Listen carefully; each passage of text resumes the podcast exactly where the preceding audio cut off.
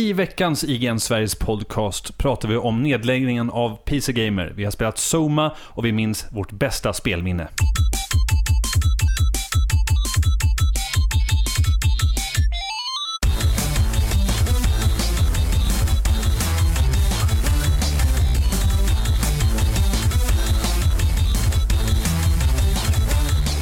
Hej och välkomna till veckans avsnitt av IGN Sveriges podcast, avsnitt 111. 111. Eh, kul, kul sifferkombination där. Eh, med mig som vanligt David Grundström, med mig har jag Viktor Sjöström Eh, ja, tack så mycket. och Har, Per Landin. har, Tackar. vi, har, har vi några spel med 1-1-1-koppling, tro? 111-koppling? Ja, eh, 111 Final som... Fantasy 3. Ja, just Jo, det. ja det, det, det är smart. Det är faktiskt Men är riktigt det, smart. är det inte någon av F-Zero-svävarna som har 111 som nummer på skrovet?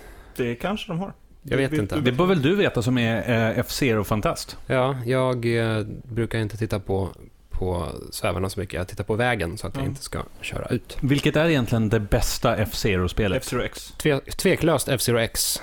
till GameCube? 64. Nej till 64. 64, okej. Många säger att det är F-Zero GX, men de människorna har fel. Det är fortfarande ett bra spel, men Ja, nej, Det är X bra på X. är det ultimata spelet. Eh, Jag, jag tycker bara fort... Jag, när vi, jag återkommer till det här. Jag vill prata F-Zero senare i programmet. Vi, har, eh, vi gör en liten cliffhanger som sagt. oj oj oj. Hoppsan, En liten återkoppling. oväntat. Ja, eh, sedan senaste avsnittet har vi fått in en kommentar gällande då förra avsnittet som, som Mårten Nord skrev innan han började lyssna. Där han skrev “Ingen gnisslande biljävel den här gången va? Jag har förmågan att avprenumerera, en stark kraft i kampen mot idioti.” Och ja, Viktor, ingen jävla gnisslande bil framöver. Nej, den här Superchargers plastbilen eh, har vi lämnat på övervåningen nu. Nu sitter vi i spelgrottan Ja, vad utan skönt. för Jag plastbil. börjar titta var någonstans bilen är så att, vi, så att det är säkert.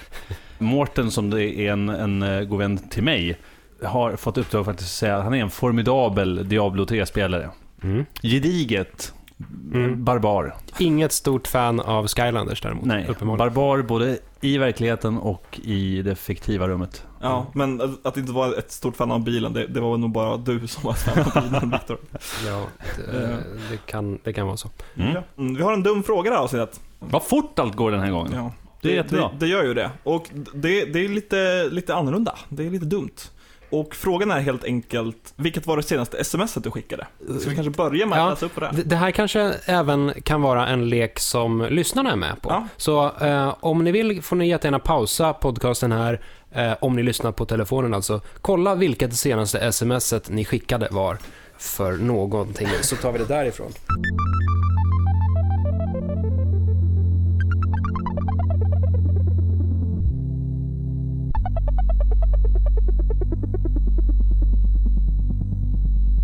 Ja, så, så, vilket var det senaste smset du skickade Per? Eh, men det... det Ja, men vi kommer till det senare. Okej. Eh, ska jag läsa upp då? Ja. Ingen aning faktiskt. Teknik, det är inte min starka sida. Pröva googla din telefon. Vad var din replik? ja, och det, det vi nu är intresserade av, eller ska vi köra igenom allas först kanske? Ja, det, Ja. det kan vi göra. Mm, Viktor, vad var ditt senaste sms? Ja, jag glömde min telefon på övervåningen, men jag kommer ihåg mitt senaste sms och det var “Finns det tårta?” frågetecken. Mi- Mitt senaste var, du är sjukt ball i vilket fall, tycker jag du kan ta åt dig. Ja, Eh, och ja. hur fortsätter då det här? Jo, precis. Så det, det vi vill, vill eh, spåna på här, att om det inte hade skickats till sin ursprungliga mottagare, vilken spelpersonlighet skulle du vilja skicka det till? Och hur tror du att denne skulle reagera? Mm. Spelpersonligheten. Ja. En riktig person. Nej, det, det, jag vet inte. Eller? Det, Kanske karaktär också? Ja, jag vet inte. Vilket, eh, vad skulle det, ditt sms landa som snyggast? Ja, Jag vill gärna börja med ditt. Jag vill gärna, jag vill gärna tro att du får en sån här inbjudan till någon tillställning igen. Typ Skickar du till Glados kanske? Ja men, ja du tänker så. Jag tänker så här, ja men Viktor vi vill ha dig på E3 i år, eller vi vill att du kommer till Blizzcon. Och du svarar, finns det tårta? Kan det vara en, en intervjumöjlighet med någon ganska, ganska högt uppsatt person? Ska man dra till med att det, det och det, det här händer typ aldrig. Shigeru Miyamoto. Exakt, Shigeru Miyamoto. Det är en, en eh, one-on-one-intervju Viktor med Chan. honom. Eh, Exklusivt. kommer inte hända. Men nu händer det plötsligt. Men jag är tveksam. Finns det tårta? Frågar jag. Jag tror en liten isbrytare faktiskt. Att du liksom, du Ja. pratar vardagligt med honom och Han skrattar, svarar nej. "M- Men, men Viktor, du vet ju. Det är klart det finns tårta för dig. Det, det ordnar vi. Det löser vi. Inga Kom, kom bara, kom hit. Så får du här. tårta. Men Valve utannonserar Portal 3 Mm. och Viktor skriver i sin rubrik, finns det tårta? Ja, ja. Första frågan i intervjun man gör. Nästa sms då? Ja, jag tänker mig kanske att jag råkar skicka det till, till eh, Hideo Kojima. Och ditt sms var, Mitt, mitt alltså, du, du är sjukt ball i vilket fall, och det tycker jag du kan ta åt dig. Så här, precis blivit avlagt från Konami, släppt ett bra spel. Och, men det, det, det är jobbigt nu, nu Kojima, men du är sjukt ball i alla fall. Tycker jag du kan ta åt Är dig. det lite så här tröstande för, att, för alla motgångar? Jo, men lite så. Hur känns det så här i efterhand när man ser, ehm, åh, vad heter, vad heter Pacific Rim-skaparen nu? Guillermo del, Tol- del Toro. Ja, exakt. vi, vi återkommer till honom om en liten stund för övrigt. Mm. Cliffhanger. Aha, okej. Tan, tan, tan. Right. Ja, jag tyckte att det var ett bra svar David, så att ehm, jag vet inte. Mitt som sagt, ingen aning faktiskt. Jag är inte så tekniskt begåvad, typ. Har du prövat googla din telefon? Då får man ju ana att du har skickat det till någon som behöver lite hjälp. En person som behöver hjälp med en telefon. Finns det några riktiga klåpare, tekniska klåpare i spelbranschen? Ja, vi har ju Per Landin. Ja, just det. Har han skickat den till sig själv? Till mig själv. Snälla, Han har så behöver- problem med tekniken att han Ja, skickar det till sig själv. jag behöver hjälp. Vem är det här ifrån? Ja. Kanske kan tänka mig att det, är, det skulle vara Simon Jarrett, huvudkaraktären i Zuma, som har lite problem att, att ringa runt på, på undervattensbasen där han befinner sig. Okej, det här... ehm, Per ber honom googla sin telefon, Ja. Vi bara planterar dessa, dessa små... eh, vad som komma ja, skall. det- ja, har du någon idé vem jag skickar det här smset till så kan du... Lämna en Ja. kommentar. Gärna även med vad, vad ert senaste sms var. Om ni skickar sms, det, det är väl inte det vanligaste, tycker Nej. jag, längre. Nej, jag tycker det är lite omständigt. Jag blir lite arg faktiskt när jag får sms. Eller inte arg, men det är lite så här, åh vad jobbigt. Jag skriver fel på telefonen hela tiden. Nu måste jag försöka skriva rätt i ett svar. Mm. Jag kan låta det ligga en stund innan jag svarar. Mm, mm, mm. Ungefär hur lång tid då? Vill du ha exakta minuter? Ja, jag har börjat räkna nu. Har du skickat ett sms till mig? Oj. Ja, då, vi får återkomma till det. Det återstår att se. Och vad skrev du i smset? Och vem skulle du egentligen ha velat skicka det Jag till? skrev hej Per och jag skulle egentligen vilja skicka det till Viktor. Jaha. Ja, jag heter faktiskt Per. Och jag heter faktiskt Viktor.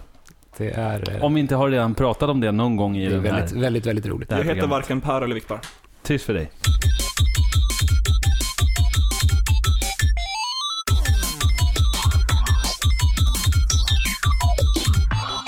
Senaste nytt som så all, aldrig riktigt är senaste nytt eftersom det här släpps två dagar efter inspelning. Eh, Vi är inne på vårt nyhetssegment och det har hänt lite, lite grejer i veckan. Det har det Eh, gjort, sannoliken. Och i vårt schema så kanske vi inte borde börja med den första nyheten, utan börja med den andra och tråkigaste. Ja, och det eh, är ju då att Svenska PC Gamer och Datormagasinet går i graven. Och det är då Egmont som kapar utgifterna till organisationen, varslar 37 tjänster och tidningen läggs ner. Den ju, har ju funnits i, hur, hur länge är det? 19 år. Ja. Eh, Sn- Eller ja, jo. Vilket är tråkigt. 96, 96 grundades Vad det. har, vi, vad har vi för relation till PC Gamer? Viktor, du levde 96, Jag levde 96. medan jag och David var lite yngre. Ni var små frön. Var- Var inte Viktor lite yngre också? Jo, men han hade ju kommit upp i den här eh, åldern när man... Jag hade, jag Man hade, läser jag hade, tidning. jag hade uppnått pubertet. Och Peak puberty. ja, min, min, mitt förhållande till PC Gamer var väl egentligen att jag läste inte tidningen speciellt mycket. Men år, år 2000 så började jag skriva för, ja man kan väl nästan kalla det för systertidningen Superplay. Eh, och på den tiden så, så hade både Superplay och PC Gamer sina kontor på eh, industri, vad heter den? Industrigatan eller Industrivägen borta vid eh, Sankt Eriksbron, Fridhemsplan. Och jag, man behövde alltid gå förbi PC Gamers kontor om man skulle gå på toaletten. Eh, så varje gång man skulle gå på toaletten så, så satt eh, Jocke Bennett där inne och, och tittade lite på en när man gick förbi. Och jag... Eh, ja, det, var, det var alltid lite, lite lätt... Eh, Var han skribent eller var han chef? Ja, han, han, jag kommer inte ihåg om, han var- om han var chefredaktör på den tiden eller om han bara var redaktör. Men eh, alltså, ha, har man läst PC Gamer så känner man igen namnet Jocke Bennett. Han tittade på en när man gick på toa och det var lite obehagligt. Eh, sen senare när eh, vi började jobba tillsammans med speltidningen Rosette och även speltidningen Xbox Life så, så lärde jag känna honom och eh, han var jättetrevlig och så. Men det är mitt, mitt första intryck av PC Gamer egentligen. Det var en lite, lite märklig redaktion som jag inte riktigt hade kontakt med för jag var en superplayare och jag fick gå förbi dem. Du då Per? Har du läst någon mycket PC Gamer? Eh, nej, men jag har väldigt specifika minnen av dem faktiskt. Jag, jag vet att jag har läst ett fåtal PC Gamer-tidningar och jag tycker det är konstigt att jag just fastnade för eh, eller egentligen inte konstigt, eftersom jag började som konsolmänniska med att läsa Superpower och Superplay, så blev det på den vägen som det blev den naturliga tidningen istället för PC Gamer. För jag tror att Superplay också började sen med att skriva om PC-spel också. Mm, precis, 2001 kan det ha varit. Och, Men, men, 2000? men jag vill ändå kanske. minnas en, en Nej, väldigt specifik 2000. artikel och det var när de skrev om just eh, utformandet av Warcraft 3. Och de hade gjort eh, en detaljerad, eller inte detaljerad, men en, en genomgående artikel om så här kommer Warcraft se ut nu för framtiden. Och samtidigt listat vilken blir den fjärde rasen? Smurfarna, Turtles. Och så minns jag inte de två andra, men de har väl väldigt specifika Var det med... kanske Night Elf Undead? Nej, det var inte det. De, de spekulerade i alla fall vilken som skulle bli, bli nästa ras. Och det här är Mm. liksom, jag har kvar den någonstans i en eh, nostalgilåda Mm. på vinden eller i källaren. Och det är väl det som, ja men bara att de har funnits med så pass länge liksom. Det har antingen varit Level eller PC Gamer på ett sätt. I min värld. Ja, det är ganska bisarrt att tänka tillbaka på 96. Vad, vad gjorde man själv 96? Ja, Jag hade ju inte ens börjat gymnasiet 96. Jag gick- hade inte fått min första spelkonsol. Mm. Jag såg Luleå Hockey ta SM-guld. Det var det tråkigaste svaret. Och jag grät av lycka fast jag inte är norrlänning på något sätt. Vad gjorde du 96, kära Where lyssnare? were you? ja, jag, jag har inte jättestark relation till PC Gamer. Jag vet att jag har till och från köpt några tidningar med någon form av pre- prefix PC. Alltså mycket för att man fick med de- demoskivor. Jag vet inte Mm. om det var kanske PC Gamer. Jag kommer också ihåg någon tidning, jag tror det var PC Gamer, var inför World of Warcraft. De hade en sån här lång utläggning om hur det skulle se ut, planerna. Det var 2003 tror jag. Mm. Men just det, demoskivorna. Stor grej faktiskt. Verkligen. När du säger det. Jag har säkerligen också haft några stycken av. För Ja. bara glömt bort. Vilken grej, vad hände med åren? Jag kommer ihåg någon demoskiva när man fick med Die by the Sword, första Die by the Sword. Och det var ju fruktansvärt coolt. Och även Superplay hade ju demoskivor för eh, Playstation-spel ett tag. Eh, och det var också coolt. Ja, alltså, alla PC-gamare jag, jag någonsin har träffat ute på, på pressresor eller bara så här i, i branschsammanhang har ju varit jättetrevliga. Så det är framför allt väldigt tråkigt att de drabbas. Mm. Och jag ja, hoppas att, att de eh, landar på fötterna så snabbt som möjligt. Och det är tråkigt också rent ur ett branschperspektiv att har man en så stor publikation i ryggen som behöver ha någon form av faktisk vinst att eh, speljournalismen, i alla fall det tryckta, eh, börjar ju dö av mer och mer. Det som jag undrar, det är väl egentligen vad som händer med själva märket PC Gamer. För det är ju förankrat utomlands, är det rätt? Det finns... Ja, precis. Så att frigörs det här, då kommer det i så fall betyda att de kommer tillbaka. Jag tycker att det antyddes att det i alla fall fanns planer på någon form av fortsättning, även fast det kanske är i sin linda, lite grann. Mm. Det återstår att se. Det återstår att se. Ska vi ta nästa deppiga nyhet eller ska vi sticka in en lite gladare? Ta en deppig nyhet så sparar vi det sista, Ja, det bästa det- till sist. Eh, Vi nämnde ju Del Toro tidigare i podcasten. Eh, Alltså Guillermo del Toro, regissören, inte Benicio del Toro, skådespelaren. Yes. Till mästerfilmen Pacific Rim, Mm. som Stora, jag och Viktor såg på bio. Den var bra. Ja.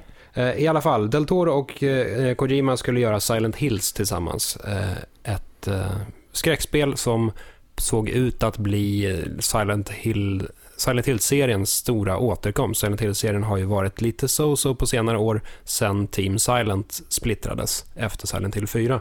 Men det här spelet såg bra ut, såg riktigt bra ut och de gjorde en, en PT, Playable Teaser, eh, som, som är ett fristående litet skräckspel som är jättebra eh, och inte finns längre. I alla fall, nu har det läckt, eller Del Toro har avslöjat att Junji Ito var ytterligare en samarbetspartner för det här. Eh, och för er som inte har koll på honom så har han, det är alltså eh, mannen som gjorde eh, Uzumaki. Har ni läst eller sett den? Icke. Den, Nej, är, den är nej. väldigt, väldigt, väldigt skum. Eh, Vad är det för någonting? men det handlar om en... Eh, Ja, det är en, en manga från början eh, som sen har blivit en spelfilm. Eh, handlar om en stad som blir besatt av spiralmönster och den är riktigt obehaglig. Det, det låter väldigt dumt när man Ja. beskriver det. Men, Men han, han är en skräckförfattare kort och gott. Ja, precis. Eh, En av Japans skickligaste. Ja, exakt. Han har även gjort eh, The Enigma of Amigara Fault, som är eh, också mycket, mycket obehaglig. En kort serie. Handlar om en jordbävning i Japan som blottlägger eh, en klippvägg där det är massor med hål som är formade som människor. Alltså män, stora människoformade hål som kommer fram av en jordbävning. Eh, och sen börjar folk bli besatta av de här hålen och börjar leta efter sitt hål som har de liksom har ens egna konturer. Och den, ja, den, är, den, är, den är ruggig och den finns att få tag på, på eller den finns att läsa online. Eh, Så gör gärna det om ni är intresserade av skräck. Jag tycker plotten låter väldigt intressant, att man ens kommer på så här. "Ja, Jag vill göra en skräckis om spiraler, tror jag. Mm. Nej, men satsa på trekanter istället. Nej, det ska vara spiraler. Ja. Eller, nu har jag en idé hörni. En jordbävning och så ska det vara hål. Han har även gjort någon som jag inte har läst, men han är en ganska berömd som jag borde kolla upp, som heter Gyo, som handlar om eh, fisk som luktar jätteäckligt. Och- Inte unikt. Nej, fisk som ja, men, lu- luktar vansinnigt äckligt och, och har eh, någon form av mekaniska ben att gå runt med. I alla fall, han, han är jättebra. Det, jag gör honom inte direkt en tjänst när jag beskriver hans, hans premisser på det här viset, men eh, han, är, han är riktigt bra. Kolla gärna in The Enigma of Amagira. Amigara Fault. Men framgår det vad han skulle göra för roll i Silent Hill då? Nej, Monster det, design? det, det framgår inte. Men han, alltså, han är en skräckvisionär, så bara att, att ha med hans rubbade idéer hade varit intressant. Tyvärr så blev det här spelet nedlagt och vi får väl hoppas att de här tre männen på något sätt eh, lyckas samarbeta i framtiden ändå. För Kanske det, ett nytt IP som heter Loud Hills eller någonting. ja, men typ. Alltså ärligt talat så behöver det ju, alltså varumärket Silent Hill är inte, det är ju inte det som gjorde PT intressant och det är Nej. inte det som gör de här tre gubbarna intressanta heller. Så, så kanske kan de, kan de samarbeta i, i framtiden. Vi får se. Lite om Pacific Rim fortsättning då, som har faktiskt fått en utannonserad fortsättning. Verkar som att den kommer bli uppskjuten. Ja, uppskjuten eh, på obestämd tid. Det är ju bedrövligt att höra, tycker jag. Jag hade gärna sett lite mer Pacific Rim. Ehm, Stora robotar. stora robotar. Eh, nog om det. Jag har då sista nyheten som vi kan se som, det behöver inte vara en glad nyhet, men det är en lättsam nyhet. Nämligen, eh, när du lyssnar på det här förmodligen på fredagen, så innebär det att idag så drar Road to Blizzcon i Prag igång. Och det här är tävlingar i eh, Heroes of the Storm, Hearthstone och World of Warcraft Arena. Vilket fortfarande inte har ett bra namn för nya sporter, utan man får bara säga World of Warcraft Arena. Kan man inte bara säga World of Warcraft? Jo, men det, det är så brett. Det finns ju så mycket du kan göra i World of Warcraft. Det är så dumt på något sätt. Ja, matlagningstävling. Det är i alla fall jättemycket tävlingar. Det här är alltså inför Blizzcon någon gång i november. Det är typ som, det är typ som EM. EM-kvalen. Eller VM-kval för EM. Mm, Det här blev rörigt. Mm. Och det bara drar igång, om jag har helt korrekta uppgifter, idag. Ja. Starcraft var inte inblandat i det här va? Eller? Nej, eller? Är det det? Jag vet Var- faktiskt var inte. det- Jag tror att det det var var- klart. Det var väl någon Starcraft-tävling i Globen i, var det nu i helgen? Ja, jag har ja. tappat tidsuppfattningen. Ja, det stämmer. Jag Det stämmer. gammal. Det här är, det, det är en bra fråga faktiskt. Jag tror inte att det är med i Prag. Varför det inte är det, det vet jag inte i så fall. Men, men de ska ju också vara med på Blizzcon, så att de har säkert någon egen liten tjofräs-tävling. Eller så har de inte det längre. I och med att Starcraft är så litet nu för tiden. Jaha, ska du dit? Till vad? Prag? Nej, det ska jag, det ska jag tyvärr inte. Jag ska vara på O'Learys och se eh, Heroes of the Storm-matcher där istället. Ja, är det också nu i helgen? Ja, på söndag. Söndag, Så O'Learys. Om du är sugen på att dricka bärs, äta hamburgare och titta på uh, Moba-spel, så kom till Gamla stan, O'Learys. Jag är intresserad av en och en, och en halv av de här tre sakerna. Ja, Är du intresserad av Per Landin? jag vet precis vad det är.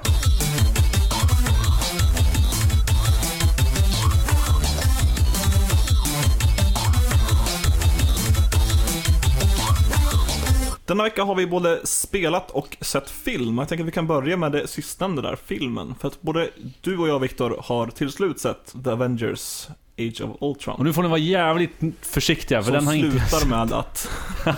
Vader är Lukes pappa. Ja. Nej! Har alltså inte sett den här. Alltså, frågan är så här spontant om jag vill se den alltså. Jag tycker inte Det- den var så, så... Alltså den är inte lika bra som första Avengers, den är inte lika bra som Guardians of the Galaxy, men den var, den var, den var bra, tycker jag. Vi är ju väldigt sena på bollen, Det kan, kan man ju till, kan konstatera till att börja med.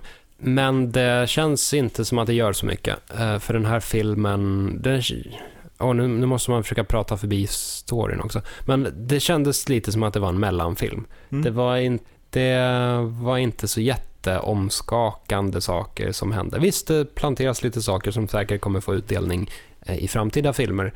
Nej, men det, det, var, det var snygg action och det var, det var lite smårolig, småtrevlig film. Men nej, som sagt, inte, inte i klass med första Avengers eller Okej. Guardians.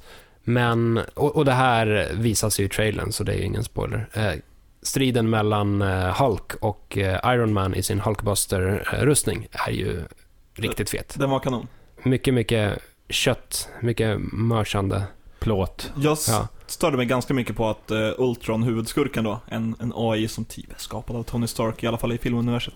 En, det är en, en stor gigantisk robot som rör, rör på munnen när han pratar. Jag Mm. störde mig enormt på det här. Vad- Just att han rörde på munnen. Ja, kan det inte bara vara en, alltså jag har mer respekt för en lampa som blinkar. Jag tror, att, jag tror att jag är inne på samma spår faktiskt. Jag minns att jag störde mig någonting på när jag såg Ultron som karaktär. Kanske att de var... Det är säkert avsiktligt att göra honom väldigt mänsklig, men jag tycker inte om hans design på det sättet. Det De har ju ser- ändrat en hel, på design, en hel del på designen om man jämför med eh, serie Ultron från serietidningen. Och det är väl egentligen det som jag tror att de flesta stör sig på. Jag vet inte, jag, jag, hade, alltså- jag hade nog inget större problem med... Ja, jag, jag, satt, jag satt och kollade på den här med min, eh, med min roomie, eh, Linus. Och han hade sett filmen tidigare. Och så jag anmärkte på att ja, det, det är sjukt fult att han rör på munnen. Liksom, vilken robot har stämband? Och så här, ah, jag har inte tänkt på det, men nu när du säger det så får du mig att hata den här filmen. ja, så det är kanske är något alla tänkt på. Ja, tänkte du på det även i Transformers-filmerna? Nog för att man hatar dem också, men det är kanske ett, andra Jag har nog bara sett Transformers 1 och 2 och det var ett tag tillbaka när jag var lite mer, jag vet inte. Nej, jag tänkte inte på det i Transformers. Okej. Jag skulle nog tänka på det, tror jag. Ja, jag kan nog villigt säga att jag stör mig lite på, eh, i alla fall Optimus Prime, att han inte har sitt munskydd. Han drar ju i princip bara på sig sitt munskydd i strider. Och Ja. överlag så kan jag nog mycket väl Som en säga... hockeymålvakt. Ja, lite som en hockey... Det, är- det är fan tufft. Jag drömde om att bli hockeymålvakt, så om Optimus är en hockeymålvakt, sure. Men, eh, ja, nej, men jag kan se likheterna. Däremot så undrar jag lite grann om ni inte... Har ni börjat uppleva det här med en viss hjältemättnad nu? Att sådana här filmer börjar bli lite väl uppenbara på något sätt. Man vet exakt vad man kommer få. Det, det känner jag... Jag tror att det är en av Ah. anledningarna till att jag inte har sett eh, Age of Ultron ännu. För att jag, jag vet vad jag kommer få Ja. väldigt tydligt. Ja, men det, det här tyckte jag man märkte för flera filmer sedan. Ja. Det, liksom Guardians of the Galaxy, det känns ungefär likadan som Avengers. Att ja, men det kommer lite dussin fiender i slutet och så är det en stor slutstrid. Ja, man, man börjar känna igen rytmen, helt klart. Ja, men det kändes lite som en, en, en, kulm vid, vid Avengers, då det verkligen var toppen, coolt, häftigt och bra, alltihopa. Sedan så dalade det lite grann. Eh, andra, Captain America, slog väl någon form av, tog en helt annan bana. Winter Soldier. Ja. Ja, men det, det den, väldigt, väldigt ja, den bröt av bra. Mm, det, precis. den den är, så, det är för att den är avskalad och håller på ett ganska lågt plan också. Ja, precis. Ja, Men annars så, ja, absolut. Det är mera en fix av superhjältar nu än det är den här euforin som det är i början av ett beroende. Ja, och både att se om första Avengers och se om Guardians of the Galaxy så tycker jag... Jag gillade Guardians of the Galaxy när jag såg den på bio. Men när jag ser, såg om den, då var det, tänkte jag, vilket jävla sömnpiller. mm. Vad, vad såg jag för kvaliteter? Hmm. Och lite samma sak med X-Men, Days of Future Past. ja Tycker det, jag också är, eh, ha, är fel begrepp, men åldrats med värdighet. Nej, inte för fem öre. Oj, och det, den är ju bara ett år gammal. Ja, Ja, det, och den var lite- kalas när den kom Ja, jag har bara sett den en gång. Jag, tycker, jag tyckte att den var riktigt bra. Ja, jag såg den två gånger, kände också att det var inte så mycket värda att se om den. Men, Men- däremot om man går framåt i tiden lite till de kommande superhjältefilmerna så tycker jag ändå att man eh, kan ha, skåda en, en strimma hopp där. Om man kollar på eh, tredje Captain America-filmen till exempel, och det ska jag säga att jag tycker inte att Captain America är en kul karaktär. Men Men han jag är ju kanon, vi har, ja, vi har haft det här diskussionen. Ja, säkert. Men jag- jag måste varje- varje gång-. Jag måste varje gång poängtera det så ingen anklagar mig för att vara en Captain America-fanboy. Men i alla... Kan man vara det? Ja, Det kan man, känner folk. Jag känner en person som har Det- det kallas för amerikan. America-poster på sitt rum. Usch. Ja, förlåt Victor. I alla fall, den tredje Captain America-filmen är ju den som kommer kallas för Civil War. Och hela Civil War-arken i serieuniversumet handlar om att eh, Cap- Captain America och eh, Iron Man hamnar på två olika sidor i ett, eh, i ett slags, i inbördeskrig inom superhjälte-communityt. Och det här tycker jag öppnar upp för lite, ja, men lite rolig, rolig dynamik. Jag tycker att de, de bygger upp lite grann för det i Avengers 2. Absolut. Age of Ultron börjar ju... Där börjar man ana den här klyftan mellan eh, Cap och Tony Stark. Eh, Och sen är det alltid kul att de eh, har planerat inför den här dubbelfilmen, vad heter den? The Infinity War. Wars. Wars. Som kommer, vad är det, 2018, 2019? Det är långt fram. Ja, precis. Då först ska det bli slutstrid mot Thanos. Är det någonting som jag hoppas på så är det väl, eh, nu manar vi ut i en liten eh, filmdiskussion, men jag gillar det här. Mm. Eh, X-Men eh, eh, Apocalypse. Mm. Som ska då, eh, och jag hoppas att det här blir den renodlade X-Men actionfilmen som jag gått och väntat på. För jag tycker de har misslyckats med att porträttera det här, ska vi säga rasismen mot mutanter. Jag tycker att, jag, jag såg ett, ett, en recension om det här som visar, på, visar prov på orimligheten att tycka illa om eh, mutanterna i filmuniversumet för att det tas om hand så pass otroligt dåligt. För om vi som tittare sitter och tyck, tycker att nej, det är inget fel på dem där, så har de misslyckats. Jag känner lite att det är på då, och jag vill bara ha en renodlad actionfilm i stil med, ja men typ Avengers, där man får se en massa coola X-Men, för X-Men har väldigt mycket coola karaktärer. I stil med Avengers, gå loss på en av de äldsta och kanske tuffaste skurkarna i eh, deras universum, Apocalypse.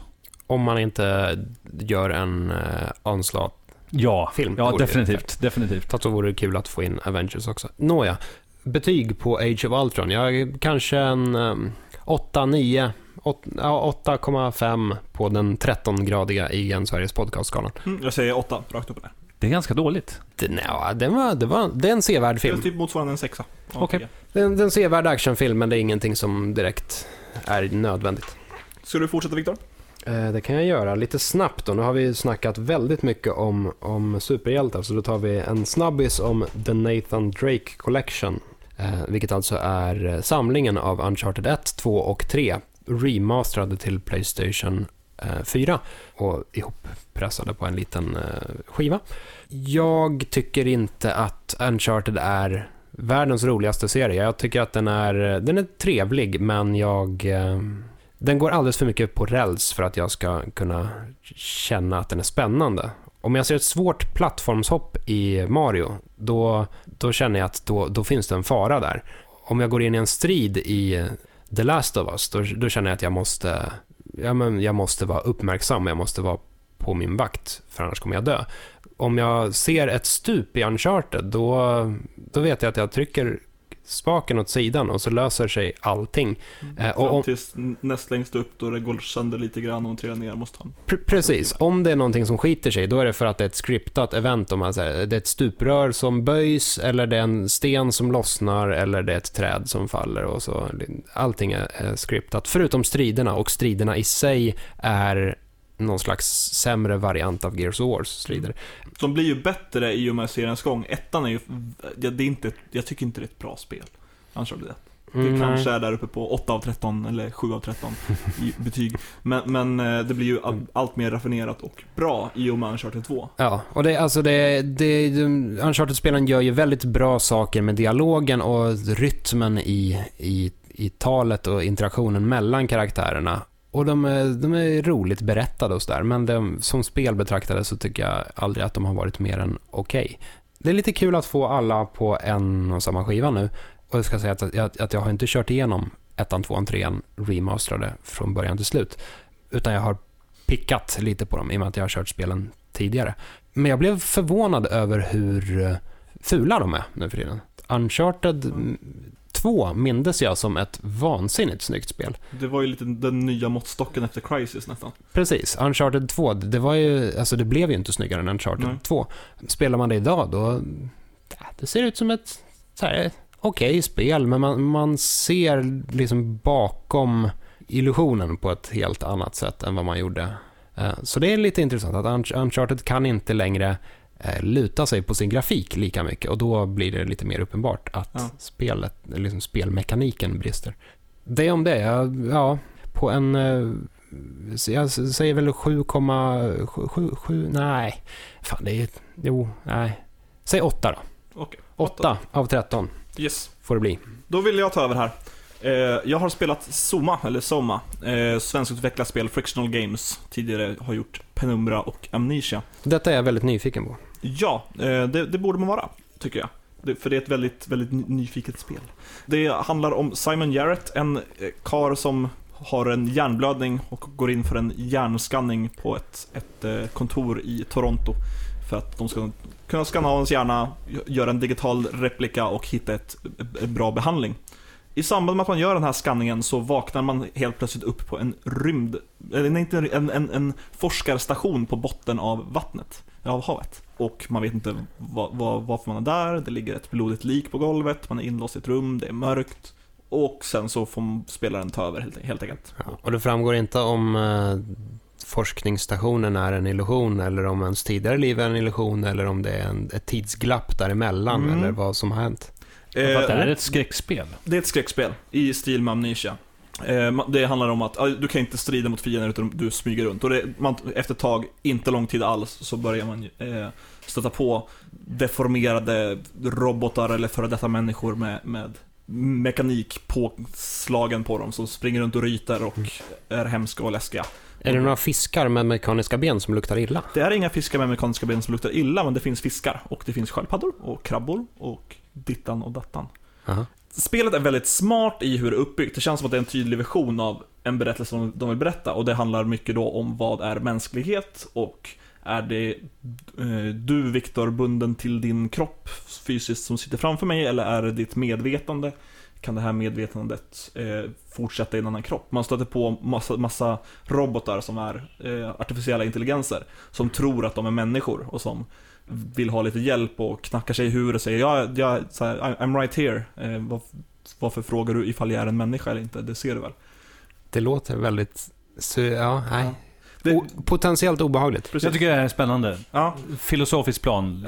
ja, tyvärr så är det mycket i spelet som inte riktigt håller hela vägen ut. Det, eh, det finns ingenting som inte är väldigt, väldigt förutsägbart, känner jag, eh, när jag spelat igenom det nu. Och skräcken, det, det är så här mycket smygande till en början och man är lite, det är lite ruggigt och jag har absolut skrikit till eh, när jag har spelat det. Men ganska snabbt så kommer man in i, man fattar hur det är uppbyggt. Hur själva... Hur, hur man ska eh, smyga för att inte bli upptäckt. Ja, precis. Eh, Eller när de här jump scares kommer kanske. Det kommer inga jumpscares. Okej. Det är inte byggt på det, det är byggt på psykologisk skräck. Men det är typ att, likt Amnesia, att titta in i väggen så kommer inte vissa monster kunna se dig. Eller gå med ryggen mot dem för du, du blir bara upptäckt om du tittar på dem. Eh, eller bara allmänt hur, hur monstren agerar. Jag var med om en eh, grafik, eller inte en grafik, en bugg rent utav i spelet. Där jag kunde befinna mig i ett rum, titta ut genom ett fönster där jag såg monstret gå och helt plötsligt försvinna. Och det blir ju, alltså jag har antagit och det har fungerat i resten av spelet eh, att lista ut att fienderna spanar i närheten av dig. De har inte en faktisk rutt. De är inte skriptade, typ. Utan det finns Nej. ett Ja, precis. slumpelement. i- Precis. Ja. Eh, Efter ett tag så försvinner skräcken. Bara fråga, Ja. det här, eh, kopplingen där. Använder den av sån här klassisk eh, eh, stressnivå till exempel? Att när du, vad, är- bestraffningen för att titta på ett monster? Eh, Det blir typ grafikbuggar, ish, det skakar till i skärmen, kommer de för nära dig så, så slår de ihjäl dig typ. Men kan de instakilla en? Alltså om de nuddar en, är det kört då? Nej, man, man blir typ slagen och så vaknar man upp där man var och monstret är en bit därifrån. Så de försöker typ slå ner en och sen så blir man medvetslös och så går de därifrån, så kommer de tillbaka sen. Så det är aldrig Det- riktigt game over? Det, det blir game over för man har en form av hälsomätare. Eh, eller inte en mätare, men man, man börjar eh, lunka när man blir tillräckligt slagen. Och blir man för mycket slagen så, så blir det ett game, en faktiskt game over. Så som man blir om man får för mycket Ja, slag i precis. Det är huvudet. ett udda beteende här. Fienderna går fram, spör upp en, backar iväg till någon annanstans och glömmer bort var man är samtidigt som man själv börjar lunka runt. Ja, precis så. Fast på havets botten. Och när man börjar lista ut det här då, det, så försvinner skräcken helt och hållet. Eh, det är tanken att man ska smyga runt, men det är många gånger som jag har sagt äh, nu kör vi! Reser mig upp, springer, plockar upp den saken som man behöver för att ta sig till nästa rum, springer till nästa rum, stänger dörren efter mig, kanske gömmer mig i ett hörn. Och Mm. sen så är det klart. Mm. Det blir ganska enkelt att lista ut formen, att här kommer det vara monster, här kommer det vara story, sen blir det monster, sen blir det story, etc. etc. Det, det var under vissa partier som jag spelade Metal Gear Solid 3 på det här viset. När jag bara ruttnade på att försöka smyga och då bara drar man igång larmet så springer man till nästa skärm där man dör. Men då får man respawna där och så går larmet ner. igen. Det är lite synd när man hittar sådana här, eh, inte riktigt exploits, men när man förstår spelet. När man förstår reglerna så som det inte riktigt tänkt att man ska spela det, men som Ja. man kan spela det. Mm. Eh, Jag tänker ljudbilden är ganska viktig för min del skräck, i i skräckspel, även fast jag inte gillar att spela dem. Ja. Eh, Hur är ljudbilden i Soma? Ja, alltså det, det bin- binder in ganska mycket med allmänna stämningen, vilket är lite dovt, mörkt, eh, man, man kan höra typ vattnet i bakgrunden, speciellt partier när man faktiskt är ute och går på havsbottnen. Se här, någonting mörkt långt borta, eh, som då kanske vara faktiska djupet av havet, för man är på en liten plattform typ. Eller eh, ja, monstren går runt och skriker och man börjar höra dem en, en bit bort och det kan vara lite, i alla fall till en början så är det lite små, småläbbigt. Ljudbilden överlag är, är, är, är bra. Det är ingenting jag riktigt kan kritisera. Den största kritiken jag har, som sagt, är att det är snabbt att lista ut hur, hur det fungerar, att man kan ta sig förbi det och skräcken försvinner. En annan grej, är jag spelar på PS4 och det är att det blir väldigt, väldigt konstiga laddningstider. Så helt plötsligt fryser den och så ska den ladda.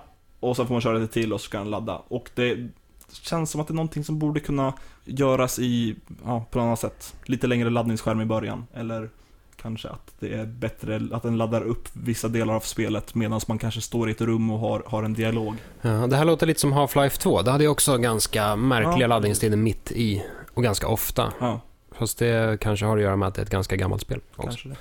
Men ja, det är väl så mycket jag kan prata om, om Zoma utan att gå in på faktiska spoilers. Jag recenserar här för IGN Sverige, finns en recension uppe på sidan. Där gav det 6 av 10, snabbt översatt till 13 graders skala blir det 8 av 10. Mm. Det är absolut värt en tid om du gillar skräck. Mysig stämning. Mm. Tack för det.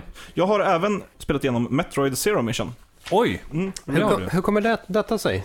För det här är inte världens nyaste spel. vi pratade väl om Metroid här för inte så jättelänge sedan? Du kanske tog upp det, Det var då? ju ganska länge sedan. Avsnitt 88 hade vi vår stora Metroid-special. Ja, det hade vi, men vi hade någon litet mellanting. Ja, precis. Till avsnitt 88 hade jag spelat igenom Super Metroid första gången, blev väldigt frälst och har spelat väldigt mycket Metroidvanias sedan dess. Mm. Eh, Jag spelade igenom Metroid Fusion, tror jag snackade om något senare avsnitt.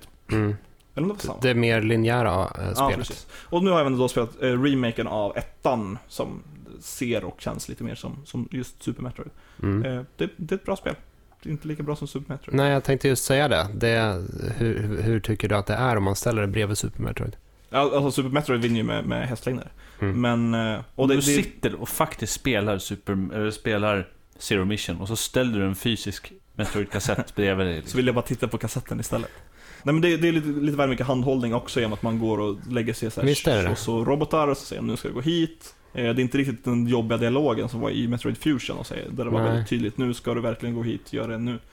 Eh, Och lite någon form av utforskningselement som, som jag inte kände fanns i Fusion på samma sätt. Att Mm. återgå till gamla zoner och Ja. saker. Men ändå, alltså att spela Super Metroid, det är ju verkligen som att upptäcka en värld och så känns det som att det är man själv som fattar alla valen. Ja.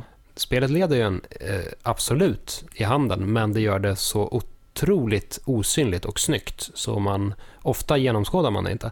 Metroid Zero Mission är ju väldigt mm, mer rakt på sak. Det är så här, blinkande punkt, gå hit, här finns det stuff, gå dit, plocka en pryl. Precis. Här borta, pil, pil, pil, pil. Det är mycket, jag, jag tycker att det är tråkigare och latare och inte alls lika inspirerande. Nej.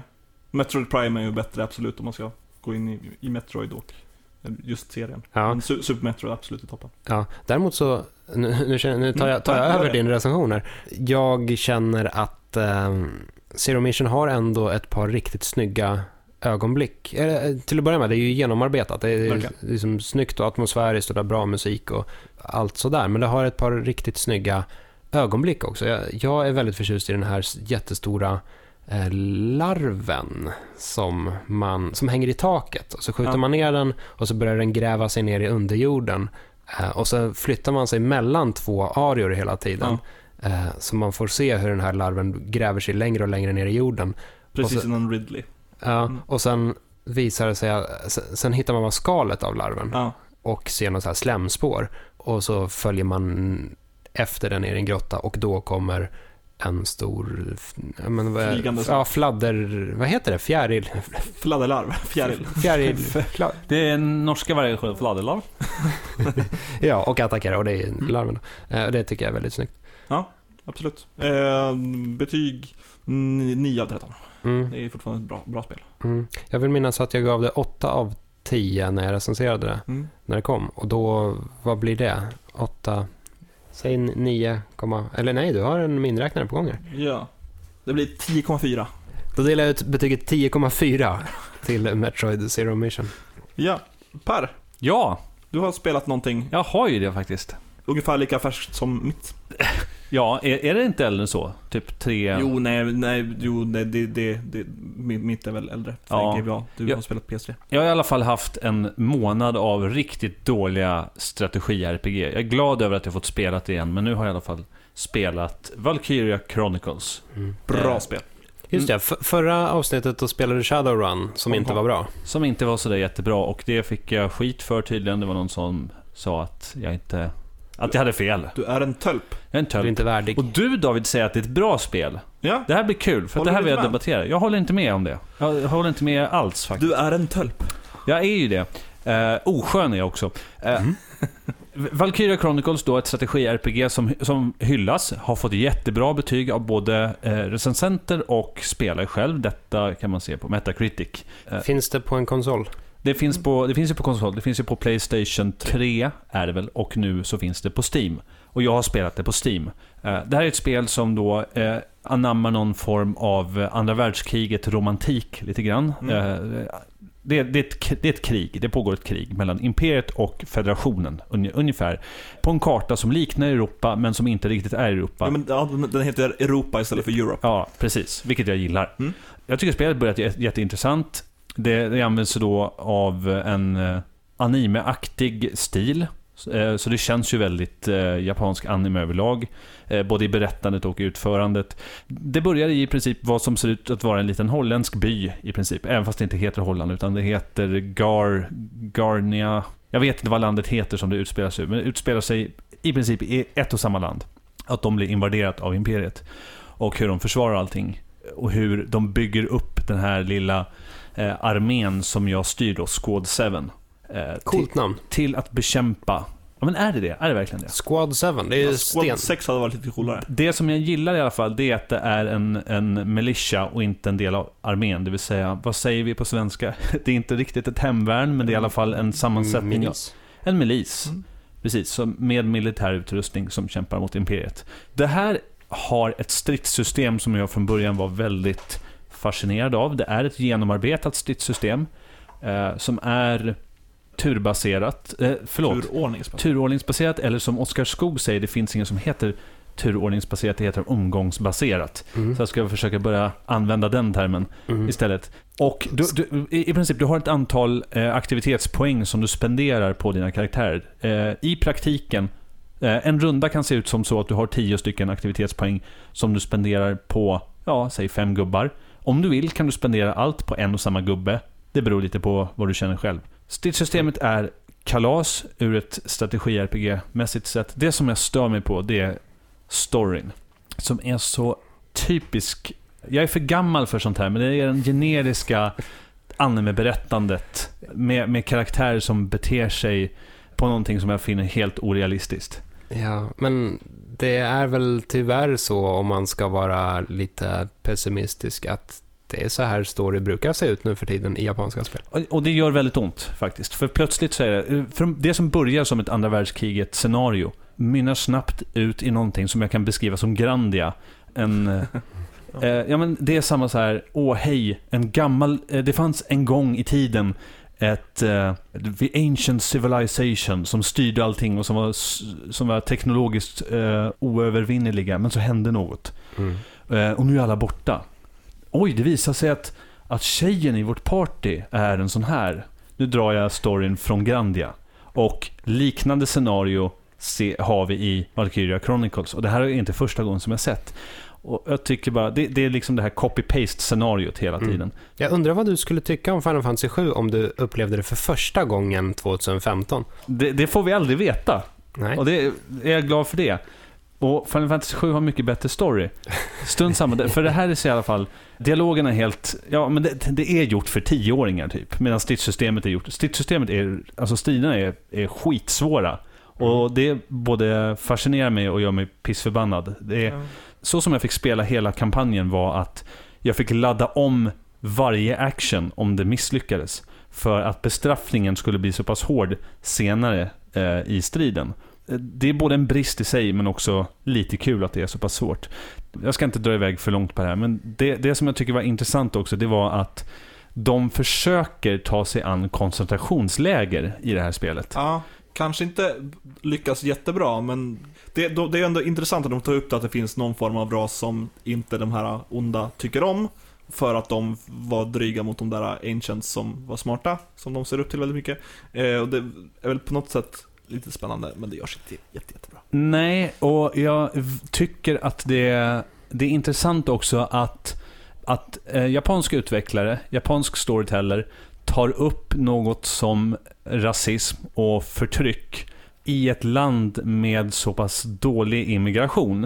Eh, det finns en dialog där de säger, istället för att, för att varje ras, att alla är lika värda, så är, eller alla är i grund och botten likadana, så är ordvalet alla är unika. Och det kanske inte behöver vara något dåligt i sig. Men jag tycker att det är väldigt intressant att de tar just den taken. Det vill säga att raser är unika. Och det är det som gör oss så speciella. Och de försöker göra något fint utav det. Fast jag mer hade ingången att i grund och botten så är vi på samma, på samma nivå. Men, men, men Per Landin, Mm, menar mm. du alltså att alla japanska utvecklare eh, har med japanska staten att göra? Ja, menar, nej det De ska inte. behöva svara för Nej. deras immigrations... Nej, definitivt inte. Men jag menar bara vad man får med sig Ja. ändå som från den civilisation man är uppväxt i, eller vad man ska säga. Från, från det land man är uppväxt i. Men eh, på den 13-gradiga skalan då? Oj. Mm. Jag vill ju tillägga då att det här skitspelet Wow! eh, kraschade min dator, förstörde mitt grafikkort. Det. När jag skaffade ett nytt grafikkort så fick jag blåskärm av spelet igen. Så jag slutade spela det halvvägs igenom och tittade igenom en playthrough istället för att se eh, hur pass dåligt storyn slutar. Eh, så att jag ger det här eh, 7, av, 6, 7 av 13. Okej. 7 av 13. Ja. Finns på Är det- Steam. Är, detta, är den här sjua alltså efter dina två datorhaverier? Hade det varit åtta annars? Nej, det Så hade du inte, Två nej, det hade inte varit.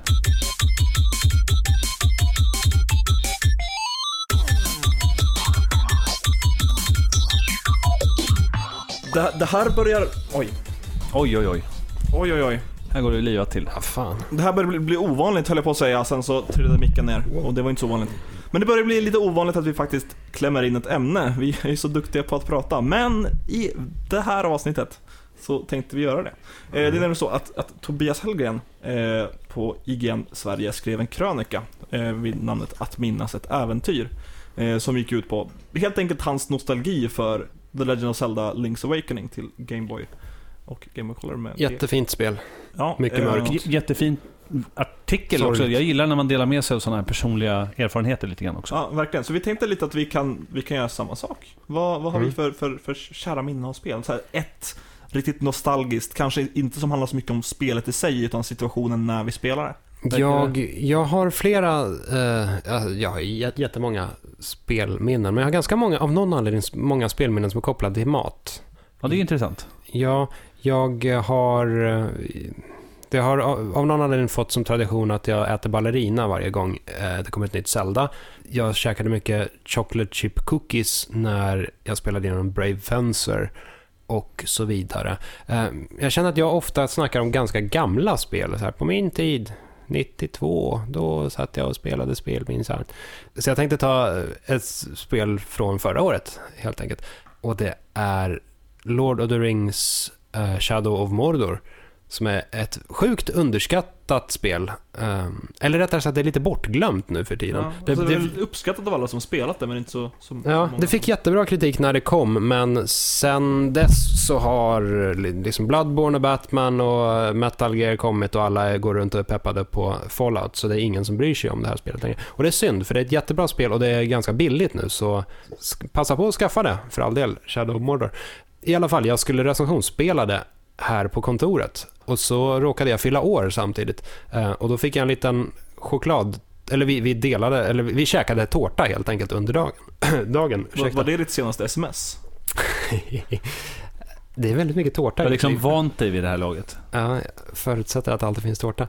Vi käkade tårta under dagen eh, och sen hade jag inte direkt några födelsedagsplaner för kvällen. Jag funderade ett tag på så här, ska man gå ut eller någonting? Ska man ta en öl eller någonting? Eh, Nej, fuck that shit. Jag, jag sitter kvar här. Jag, eh, halva tårtan är kvar och jag är ensam kvar på kontoret. Och jag har Shadow of Mordor. Så jag typ eh, halv, halvlägger mig i soffan och så spelar jag Shadow of Mordor till klockan två på natten då jag tar en nattbuss hem. Och så klämmer jag i mig en halv chokladtårta under tiden. Massiv, massiv chokladtårta. Eh, och det var jättetrevligt och det var liksom perfekt lagom nivå för att fira en födelsedag. Jag är inte så mycket för att fira födelsedagar.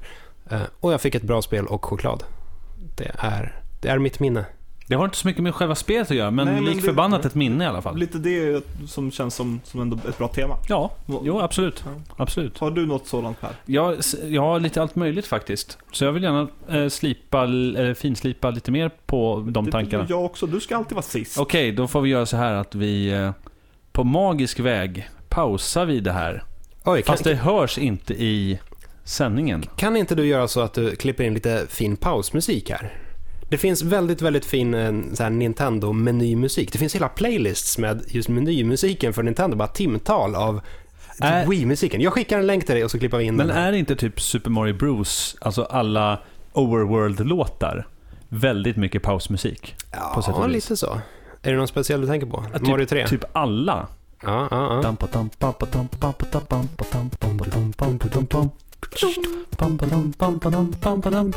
Tänk nu bara.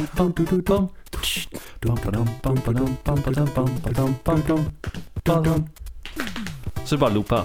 Nej, okej, vi gör så här istället. Att jag, jag är uppenbarligen inte så förbannat unik. Men ett sånt här minne som jag är väldigt tydlig med. Jag har berättat i något tidigare program hur jag gav eh, min syster Ninni spelet Wild Nine i present. Och det är sånt här skitspel kort och gott som kostar typ 100 spänn. Jag tror att det Det kostar är ju roligt. Ner med fienden i köttkvarnen bara. Ja, Brum, alltså, brum. ja och det, det kanske var kul, men det var billigt som satan. Ja. Men grejen är att till min födelsedag så hade Ninni gett mig Final Fantasy 8. Eller det kanske till och med var julklapp. Jag tror att det var födelsedagspresent. Eh, jag hade varit med om en ganska jobbig operation då. Så hon tyckte så förbannat synd om mig, så hon gav den presenten i förväg. Och det här blev så här en form av rehabilitering. Att få sitta eh, med Final Fantasy 8 och spela i vintern. I typ kalla, kalla vintern. Och inleda det här spelet som börjar med den här... Det är vårkänsla. Det är... Eh, skål vaknar ju upp på... på vad säger man? Skol, skolsjukan. Inne hos skolsyran. Ja. Och, och fåglarna kvittrar. Det är sommar, eller det är eh, vår. Ja, det är sol i alla fall. Och det var en så skön stämning i alla fall. Så att det var en av mina bästa intryck för ett nytt Final Fantasy-spel. Att eh, Han leva är som igenom. jag. Vad sa du? Han är som jag. Han är som jag, skål. Det är jag som är i spelet. Det kanske inte hade funkat lika bra med Final Fantasy 7 då, men som är mer mörkt och smutsigt och slummen och alla äter sopor och livet är misär. Fast det är lite som jag. Alltså, Ja, just det. lite som du David. Ja, men, eh, spel, spel och årstider är nog någonting som jag associerar väldigt mycket med. Jag vet till exempel att eh, du sa, eh, inte Final Fantasy 7, men jag måste ta Final Fantasy 7 ändå. Nej men fan. Därför att det är ett av mina första spel till Playstation som jag köpte. Och det var mitt på semestern. Och jag tjatade. Vi var på, på Öland. Och istället för att njuta av semestern så tjatade vi sönder pappa, hyr en TV så att vi kan spela det här Playstationet som vi har köpt. Ni köpte en Playstation men ni hade ingen TV där. Nej, precis. För vi var ju på semester. Jag Ja. köpte Playstation på semester och vi orkade inte vänta. Vi ville så gärna spela Final Fantasy 7. David, har du något mer konkret Men- och spännande än vad jag har? Ja, men vänta, hyrde, hyrdes det faktiskt en TV Ja, någonsin? ja, ja. Det gjorde det. Definitivt. Fint ändå. Det var snällt gjort av din pappa. Det var det faktiskt. Och av din jag, sys- jag, syster. jag skäms lite så här i efterhand faktiskt. Jag, jag, vill, jag vill anknyta lite till vad båda ni har sagt och sen komma med en egen. Jag recenserade Killzone Shadowfall, heter det så? Playstation 4 lanserings Precis. Killzone. Precis innan eh, Playstation 4 släpptes så fick jag spela det här också nere i spelgrottan för, för IGN då och jag hade satt i en session på ungefär sju timmar och spelade igenom allting och åt typ en Snickers och drack så här hallonjuice typ som finns i stora förpackningar. I stora lass. Och jag får fortfarande lite mysiga vibbar, för det, det var inte världens bästa spel, men det var lite så små, roliga delar och... Ja, det var ju ny, ny hårdvara i alla fall. Ja, så precis. Det är ju kul, alltid kul med den typen av spel när man Ja. inser så här, ja, det här kommer bli möjligt med Playstation 4 nu. Precis. Jag får någon form av, så här, när jag dricker den här hallonjuicen så kan jag fortfarande få så flashbacks till. När jag satt och körde sju timmar i sträck nere i en, en grotta på en publikation som jag inte ha- hade varit tidigare någonsin. Ja, du borde kanske ha käkat lite mer Ja, jo. så här i ja, efterhand. Jag känner ju det också. Men, eh, så det, det var en grej. Och så eh, det du nämnde Per, att du var, hade precis gjort en operation och spelade Final Fantasy 8. Mm. Eh, jag bröt benet som liten eh, och mitt rum i huset vi bodde uppe i Lappland eh, var på övervåningen. Det var lite svårt för mig att ta mig upp dit så vi flyttade ner rummet till ett rum som var bredvid köket och tog ner TVn och Super Mario 64 som jag precis hade fått. Så jag har också den här minnen av att jag satt och bara åt gott och fick saker givna till mig och satt och spelade Super Mario 64. Det var Och, tä- och tänkte att han är som jag. han är som jag, han kan springa och hoppa och... och Han hoppar på väggar. Ja, men jag tycker det är lite fint ändå, för det är sådana grejer som jag minns mycket tydligt också när man var hemma och var sjuk. Olika tillfällen. Eh, och associerar vissa, ja men typ varje gång som jag har feber eller så. Eller känner att jag börjar få ont i halsen så Mm. associerar jag det med med mapmaken i Warcraft 2. För att det var liksom det som jag satt hemma och gjorde Mm. varje gång som jag var sjuk. Mm. Yes. Jag, jag, jag läste ofta sagan om Belgarion, en så här otroligt lättsmält fantasy-serie. Det, den har verkligen noll tuggmotstånd. Eh, brukade jag alltid läsa när jag var sjuk. Läste man ett par böcker per dag, typ. Mm. Men det, det, det spelminnet jag vill ha, det, det äventyr jag vill minnas och allt runt omkring där. Det är från när jag var arbetslös eh, och spelade igenom Mass Effect 1. Och jag fick för mig att jag, jag kanske har berättat det här förut, jag vet inte riktigt. Så jag, jag kör den igen, jag ber om ursäkt om det är repetition. Men... Då, då är det lika bra att du brer på lite extra den här gången. ja precis. Så att jag var arbetslös och spelade igenom Mass Effect 22 gånger istället för 11. Nej, men jag, jag skulle ta alla, alla, alla, alla achievements skulle få all gamerscore och skulle Mass Effect 1 skulle vara done, det skulle vara klart liksom. Och då spelade jag igenom spelet en gång per dag i eh, sträcket av 11 dagar. Jag började på en sparfil mitt i spelet, så jag spelade klart spelet, spelade andra halvan, sen gick jag och la mig och sen rinse and repeat 11 dagar i, på, på raken. Men varför? Så att ta alla achievements och kunna göra allt. Och eh, många av de här achievements är att typ spendera Eh, 75% av spelet, och då inte huvuduppdragen utan det är en massa sidouppdrag också man måste göra för att komma upp i det, med varje companion. Så det var mycket att jag spelade igenom på vissa svårighetsgrader med specifika companions för att köra allt med dem. Och jag kom in väldigt mycket i det universumet och det var mycket att man var uppe till kanske klockan 4-5 på natten och man hörde lite eh, syrsorna som var ute och härjade och för det var under, under sommaren. Jag kommer ihåg också att jag gick ut på eh, cigarettpauser till och från och gick en liten kort promenad för att vakna till. Och det är så här mycket runt därifrån som... Men då inledde du varje dag med att kö- köra typ slutstriden. Och avslutade Nej, varje jag dygn med... brukade börja och avsluta vid delen i Mass Effect 1 där man första gången stöter på en Reaper som pratar med den. Eh, Mm. Sovereign. Precis.